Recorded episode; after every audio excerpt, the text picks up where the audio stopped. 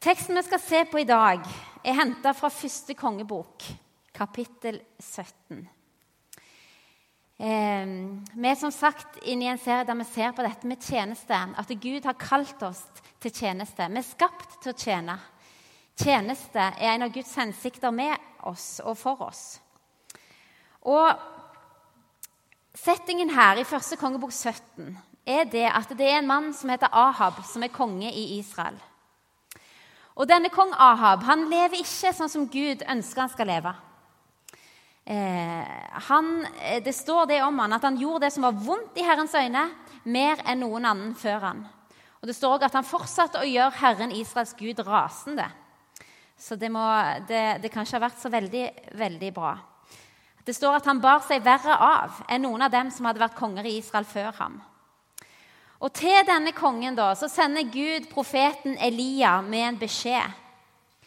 Så sant Herren Israels Gud lever, han som jeg tjener Elia står og sier disse ord foran kong Ahab. De første årene skal det verken komme dugg eller regn utenpå mitt ord. Og det kommer tørketid og hungersnød over landet. Gud sender Elia vekk for å gjemme seg etter han har kommet med dette budskapet til kong, Eli, eh, kong Ahab. Gud sier til han, 'Gjem deg ved bekken Kerit øst for Jordan.' Der skal du drikke av bekken, og jeg har sagt fra til ravnene at de skal sørge for mat til deg. Gud sier, 'Jeg har sagt ifra til ravnene at de skal komme og sørge for mat til deg.' Så går Elia og gjør sånn som Herren hadde sagt, halvveis på rømmen. Og han går til bekken Kerit og slår seg ned der. Og det står at ravnene kom til ham med brød og kjøtt hver morgen og med brød og kjøtt hver kveld. Og han drakk av bekken. Men så skjer det, da. Det jo, eh, Gud har jo meldt både tørke og hungersnød. Så etter hvert så tørker denne bekken ut. Det regna jo ikke. Og Da står det at Gud igjen talte til Elia. Så sier han, 'Gå straks av sted til Sarepta, som hører til Sidon.' Og slå deg ned der. Jeg har befalt en enke som bor der, å sørge for deg. Jeg har befalt en enke som bor der, å sørge for deg. Det står i første kongebok, 17 vers 9. Så leser vi videre at Elia gikk av sted til Sarepta. og Så kom han til byporten ut forbi denne lille byen. Og så ser han ei enke som står og sanker ved. Jeg ser for meg at hun har en sånn vedkorg på ryggen, og så samler hun sammen kvister som hun legger bak i denne vedkorga. Så står det at Elia roper til henne og sier, 'Hent litt vann til meg i ei skål, så jeg får drikke.' Da hun gikk for å hente det, ropte han etter henne, 'Ta også med et stykke brød til meg.' Enka svarte, og dere får det på, på, veggen. Så sant Herren din Gud lever, jeg eier ikke så mye som en brødleiv. Bare en håndfull mel i krukken og litt olje i muggen. Nå går jeg her og sanker et par vedpinner, og så vil jeg gå hjem og lage noe til meg og sønnen min. Når vi har spist det, kan vi legge oss til å dø. Da sier Elia til henne, vær ikke redd. Gå hjem og gjør som du har sagt. Men bak først en liten brødleiv til meg av melet, og kom ut til meg med den. Og siden kan du lage noe for deg og sønnen din. For så sier Herren Israels Gud, melkrukken skal ikke bli tom, og det skal ikke mangle olje i muggen til den dagen kommer da Herren sender regn over jorden. Så står det at enka gjør det som Elia hadde sagt. Og både hun og han og hele hennes hus hadde mat i lang tid. Melkrukken ble ikke tom, og oljen i mugga tok ikke slutt. Og det gikk som Herren hadde sagt gjennom Elia. La oss be. Herre Jesus Kristus, jeg takker deg for ditt ord. Jeg takker deg for at det er levende og virker kraftig. Jeg takker deg for at det aldri vender tomt tilbake, Herre. Og jeg ber, Herre Jesus Kristus, at du skal åpenbare mer av det du har for oss i dag. I våre hjerter, i våre tanker og i oss. Kom, Herre Jesus, og tal til oss.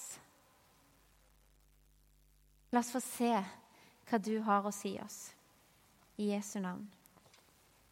Amen. Når jeg leser denne teksten, så opplever jeg at han sier mye om tjeneste.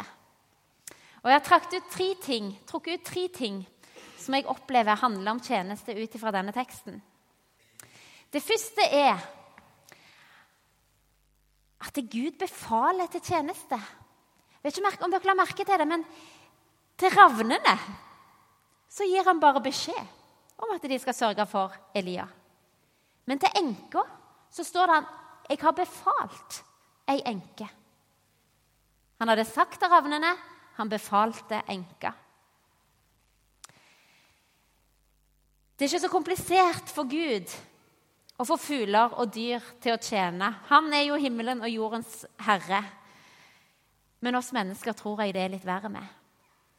Vi vet sjøl, eller jeg vokste opp med en hund som heter Noah. Og jeg husker ennå når jeg sa 'dekk' og 'sitt' og 'ligg'. Og han gjorde som jeg sa. Du, så gøy for en unge. Sitt, Noah. Og Noah satt. Hent den! Eller vi sa til og med 'ta han'. Så tok han han. Eller bjeffa iallfall. Og viste muskler. Jeg er vokst opp i Afrika, og der var virkeligheten en litt annen. Så vi trente hundene annerledes. Men det er litt annerledes med oss mennesker. Vi er ikke skapt til å bli dressert. Vi er ikke skapt til å adlyde på samme måte som dyr er. Jeg syns ordet som blir brukt her til denne enka, at Gud befaler henne til å sørge for Elia, det virker umiddelbart litt strengt, litt voldsomt. I alle fall når du måler det opp til at Gud sier fra til ravnene at de skal sørge for ham. Men han befalte enka. Befaling er mer en ordre. Det er ikke en invitasjon som innebærer at du kan velge å takke nei eller la være. Og Vi leser det at enka jord, som hun ble bedt om. Hun gikk for å hente vann i ei skål.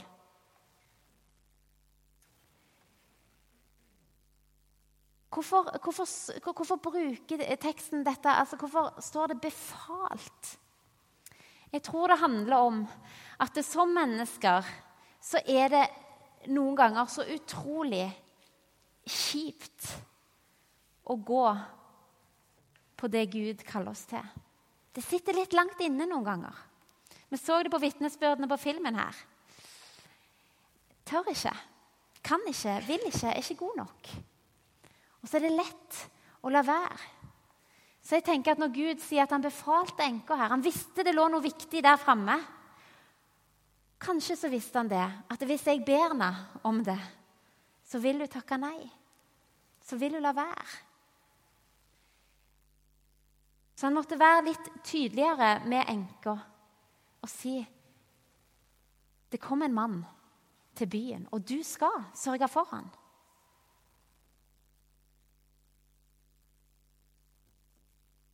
Vi har sett på tidligere i serien at dette med tjeneste det blir ikke løfta fram som ei frivillig greie som vi kan velge eller ikke å, være med på. Tjeneste er en befaling og ikke bare en oppfordring til oss. Og Jesus i misjonsbefalingen han sier, 'Gå derfor ut og gjør alle folkeslag til mine disipler.' 'Og lær dem å holde alt det jeg har befalt dere.' Gud befaler oss som mennesker, men han gjør det på en god og mild og omsorgsfull måte. Og trenger han å være streng, så er det fordi vi trenger det. Fordi at det, målet der framme er så uendelig mye bedre for oss enn det alternativet vi hadde valgt hvis vi fikk valget. Vi som har tatt imot Jesus som herre i livet, vi får dette med tjeneste med i pakken. Vi er skapt til å tjene. Vi er skapt med den hensikten at vi skal tjene Gud og hverandre. Ikke fordi at eh, det skal være sånn, men fordi vi har Jesus Kristus til forbilde. Han som steg ned og ble alles tjener. Etter Jesus hadde vaska disiplenes føtter, så sier han til dem, 'Jeg har gitt dere et forbilde.' 'Sånn som jeg har gjort mot dere, skal dere gjøre mot hverandre.' skal også dere gjøre. Men la oss se litt nærmere på denne enken som Gud befaler til tjeneste. For det første var hun enke. Hun hadde mista sin forsørger. Hun hadde mista han som sto for inntekten i hjemmet. Det vil si at hun hadde mista det som sørga for stabilitet og trygghet i livet. Hun var alene. Og så var hun fattig. Hun hadde ingenting å gi, hun hadde ingenting å dele med seg. Og nå som det var tørke, så var hun i tillegg sulten. Det var ikke mat. Og de rundt henne hadde nok med seg sjøl.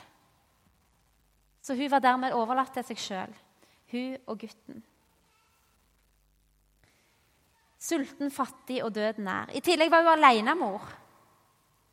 Ensomheten i det å være alene med oppdragelsen av et barn. Den er det flere som vet mye om. Og hun er egentlig en enormt fortvila situasjon. Og denne dama befaler Gud å sørge for en fyr som kommer til byen. Det høres litt brutalt ut. Er, er dere ikke enig i det? Det høres litt voldsomt ut. Fattig, alene, ensom og tror hun skal dø. Befaler Gud til tjeneste.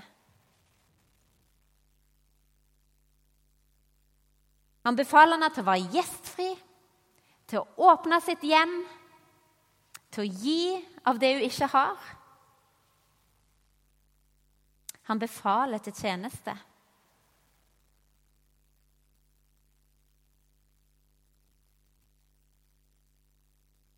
Men det er ikke det eneste.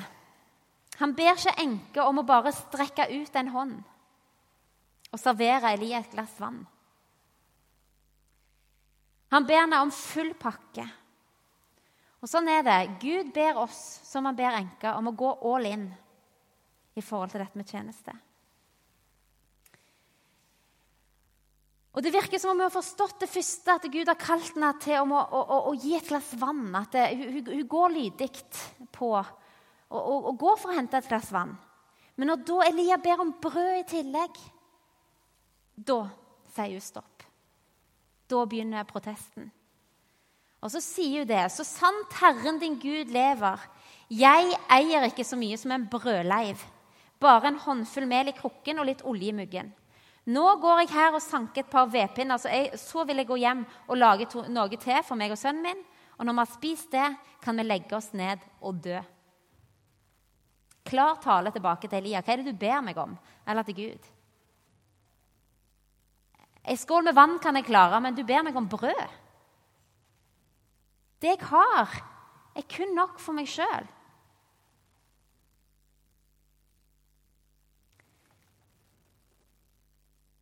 Her kommer selvopptattheten inn. Den store nøden hun bærer på, den enorme prøvelsen hun er i, den gjør denne kvinna selvopptatt. Selvfølgelig. Det er så menneskelig.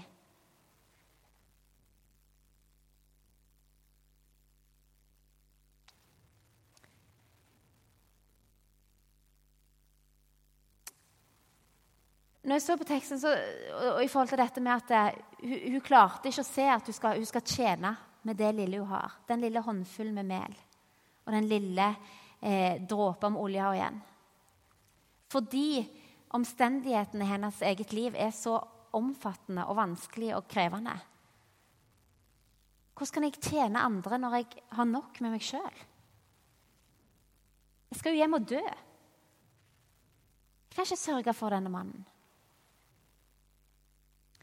Og jeg tror vi kan kjenne oss igjen i dette, men eh, for de fleste av oss så trer ikke den selvopptattheten fram i våre liv pga. stor nød og prøvelse.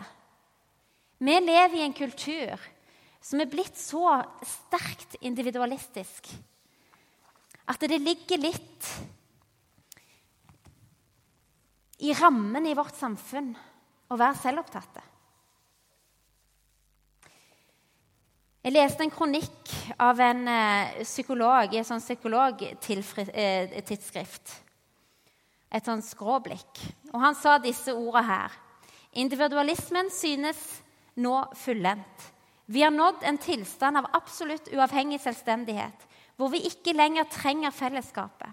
I vår frie autonomi behøver vi ikke og har ikke lenger ansvar for andre enn oss selv. Eh, vi lever i et samfunn som har kommet så langt i det som handler om meg, meg selv og mitt, at vi står som kirker og som kristenhet i Norge i dag, så står vi i fare for å bli, å, bli smitta av det. Å bli dratt inn i en sånn selv, selvsentrert væremåte. At når det kommer til tjeneste, når det kommer til at Gud kaller oss til å tjene, sette de andre høyere enn oss sjøl, strekke oss langt, gi oss sjøl for fellesskapet så sitter det ganske langt inne. Og på lik linje med at Gud kaller denne enka, befaler den enka til tjeneste, så gjør han det med oss òg. Og på lik linje at ja, det er ikke så vanskelig å gi ei skål med vann. Men når det kommer til neste skritt, så kjenner vi at vi rygger. Og protestene og unnskyldningene kommer og sier nei, bop, bop, bop. Det er det litt verre med Gud. Jeg klarer den der lille tingen der. Men det Nei. Det får stoppe der. Så på samme måte som denne kvinna blir innhenta fordi nøden hennes er så stor, og det er det eneste hun klarer å se, så tror jeg at vi som kristenfolk og som som, som, som, kristne i Norge, et av verdens rikeste land i dag, blir innhenta av den kulturen vår som har blitt så individualistisk og så annerledes enn det Gud har tenkt at et fellesskap skal være. Det er en sosialantropolog som heter Sebastian Junger. Han har forska på på sånne stammer i, i Sør-Amerika, indianerstammer, og ser at det er livet som florerer i disse små fellesskapene, det er så viktig at hvis de blir eh, introdusert for vestlig velstand og materielle ting, så søker de veldig raskt tilbake til, til, til fellesskapet, til, til de rammene som de eh, hører til. Eh, han sier det, Sebastian Junger, at det er noe som mangler i vårt vestlige samfunn. Det som mangler, er fellesskapsfølelse og tilhørighet. Den felles identiteten. Vi har blitt så private at vi har mista noe.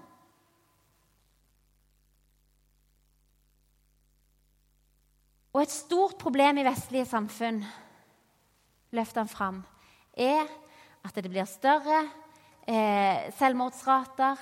Du har flere deprimerte, du har flere ulykkelige. Folk eh, trives ikke.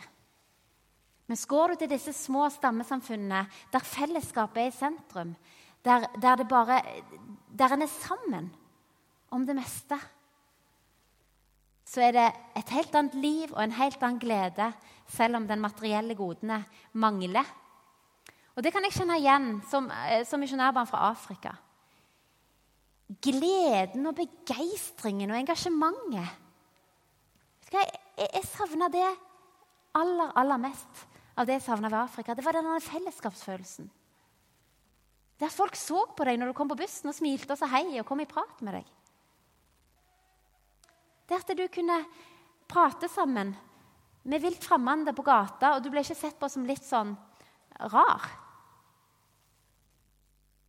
Jesus sier det, at det mennesket lever ikke bare av mat.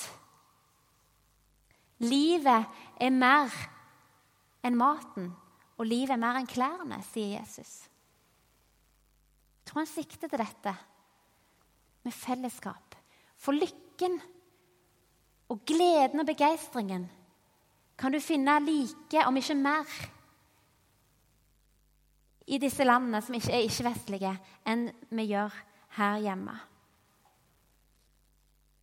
Psykolog, eh, sosialpsykolog Arnulf Kolstad han, eh, han sier det at eh, tallet av ensomme øker i høy hastighet. Over 60% av barn og ungdom i Norge har opplevd å være ensomme. Over halvparten av aldersgruppen har opplevd å bli holdt utenfor. Og tallet øker. Det sier han henger sammen med at vi blir et samfunn med nettverksfattige miljøer. Samtidig ser man økt fokus på et urealistisk lykkeideal og at man skal være attraktiv. Her i Norge har vi en veldig individualistisk kultur hvor man skal greie seg selv og være uavhengige. Det er klart at vi også da legger opp til at folk må ta mer ansvar for egne seire og egne nederlag. Dette gjør at mange opplever at de ikke har så mange å dele tapet med. Vi blir isolerte, øyer og føler lettere at vi ikke har støtte og mulighet til å være sammen med andre, hjelpe andre og få hjelp av andre.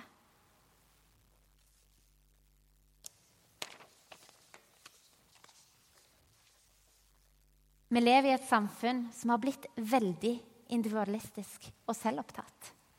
Det er jeg, meg og mitt. Og jeg kom i snakk med en, en, en lege, en, en damelege, en radiolog, på T-banen på vei ned fra Holmenkollen forrige lørdag.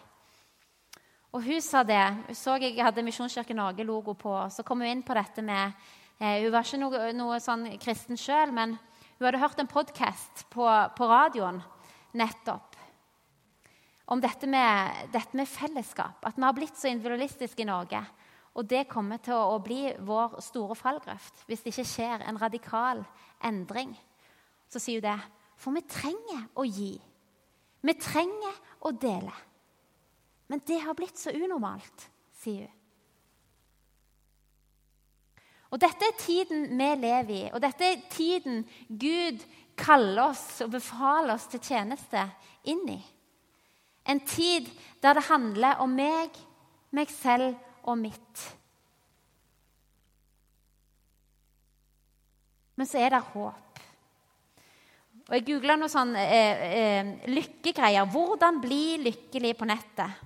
Og Så ble det lista opp syv ting lykkelige mennesker gjør. Og Den femte på lista var 'de gir til andre'. Eh, og en blir rikere av å gi. Og så er det en, eh, en, eh, forsker og professor som heter Michael Norton ved Harvard Business School, som sier i en pressemelding fra, for et eller annet, så sier han for første gang viser vi at det å gi bort penger eller bruke dem på andre har den ironiske, psykologiske effekten at den øker giverens følelse av rikdom. Så det er jo bibelsk. Og det sier oss bare at det er Guds ord om det å bli andres tjener, det å følge hans eksempel og tjene hverandre. Og gi av oss sjøl, gi av vår tid, gi av våre penger, gi av vår overflod.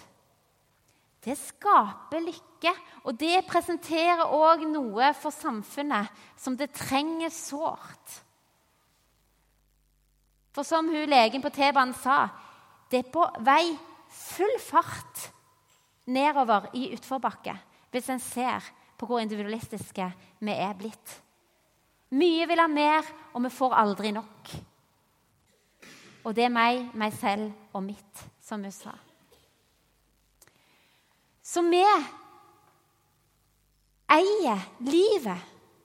Vi eier det største av alt. Vi eier fellesskapet gitt i Kristus. Vi eier livet som verden trenger. Og det er derfor Gud går så langt, tror jeg, at han befaler til tjeneste. Og Jeg kjenner det river litt når jeg snakker om det, men fordi vi eier livet, fordi Ved å tjene hverandre sånn som han har tjent oss Med all in, med full overgivelse, med full forpliktelse Det er sånn vi får eie livet. Og det er sånn andre òg skal få lov til å ta del i det fellesskapet, i det livet og i den fylden som ikke kan finne noe annet sted. Og der vil ungdommer, barn og ungdom, finne sin trygge havn. Midt i et heftig jag som samfunnet representerer i så stor grad. Det er derfor Gud befaler til tjeneste og sier 'all in'. Kom igjen. Han ber ikke bare om ei skål vann. Han ber òg om ei brødleiv.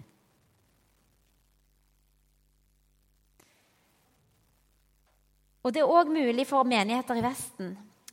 Eh, flere fra kirka vår har vært i USA og besøkt Eaglebrook Church i Minneapolis.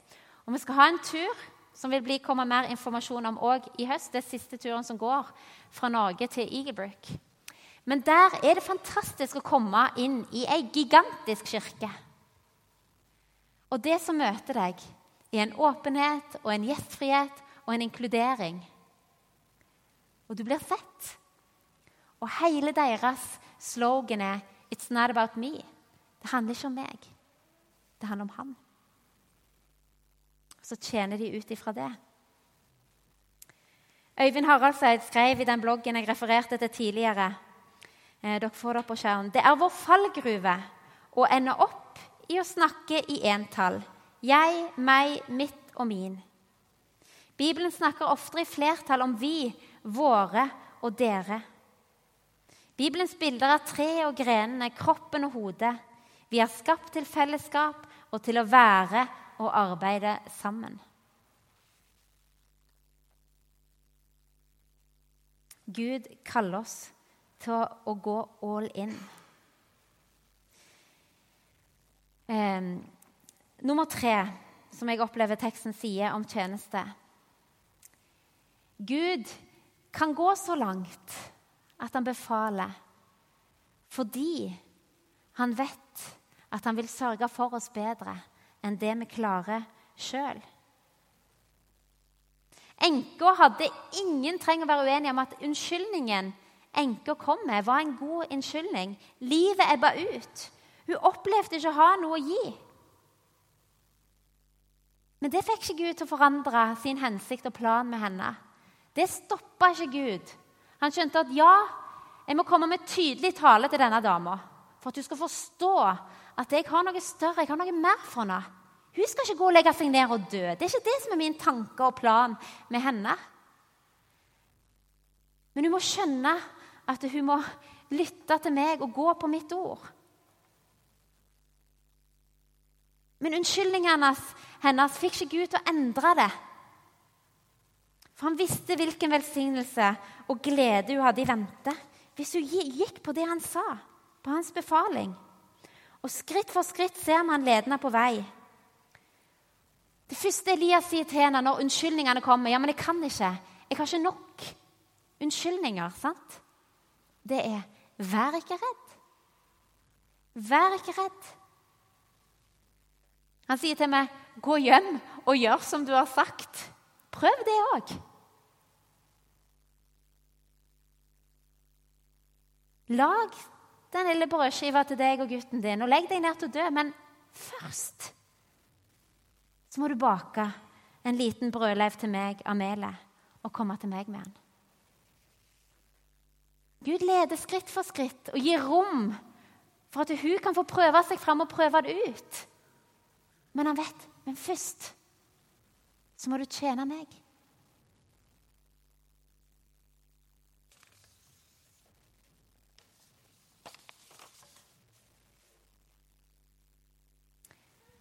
Det sier noe om at Gud kaller oss til å la Han få førsteplass i livet.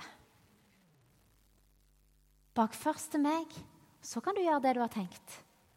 Og det han visste, var at hvis du først av alt vågte å gå på hans befaling og tjene og stille det lille hun hadde, disponibelt for han, så vil det skje et under. For så sier Herren Israels Gud, melkrukken skal ikke bli tom. Og det skal ikke mangle olje i muggen til den dagen kommer, da Herren sender regn over jorden. Og det gikk som Herren hadde sagt, gjennom Elia. Vi ser ikke alltid perspektivet. Vi ser ikke alltid det store bildet, heller nesten aldri. Ser vi det som ligger der framme? Det tror ikke jeg Ingrid gjorde. Nei, jeg kan ikke. Jeg er ikke kreativ nok, jeg er ikke morsom nok. Jeg kan ikke være med i Skattkammeret. Og fire år seinere står hun i en fantastisk tjeneste med det hjertet for barna og gir det Jesus. Gang på gang hører jeg Jonathan komme og si 'Mamma, Ingrid sa det', og så forteller han om Jesus. Utgangspunktet var at du nei, kan ikke være med i Skattkammeret. Og nå er jo barne- og ungdomsarbeider som gir Jesus til ungene våre. Sammen med alle de andre fantastiske medarbeiderne. Vi ble med på ei lita skål vann. Så skritt for skritt så har Gud kalt henne inn i tjeneste. Verken hun eller de som inviterte henne til tjeneste, så Guds perspektiv i det hele for fire år siden. Men se hvor bra det blir.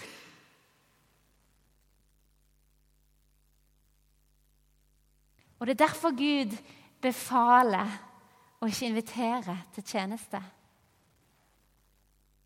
Fordi han ser det store bildet. Han ser velsignelsene. Han ser rikdommen og alt som ligger der framme. Når han kaller oss og sier men tjeneste er ikke frivillig. Det er en del av pakka. Og så er det nådefullt. Og så er Gud varsom og god og omtenksom. Og så er han mild. Og så er ikke han brå. Og så har han rom for hele oss. At vi får lov til å si ja. Kom igjen. Gjør det for det. Det jeg ber deg om.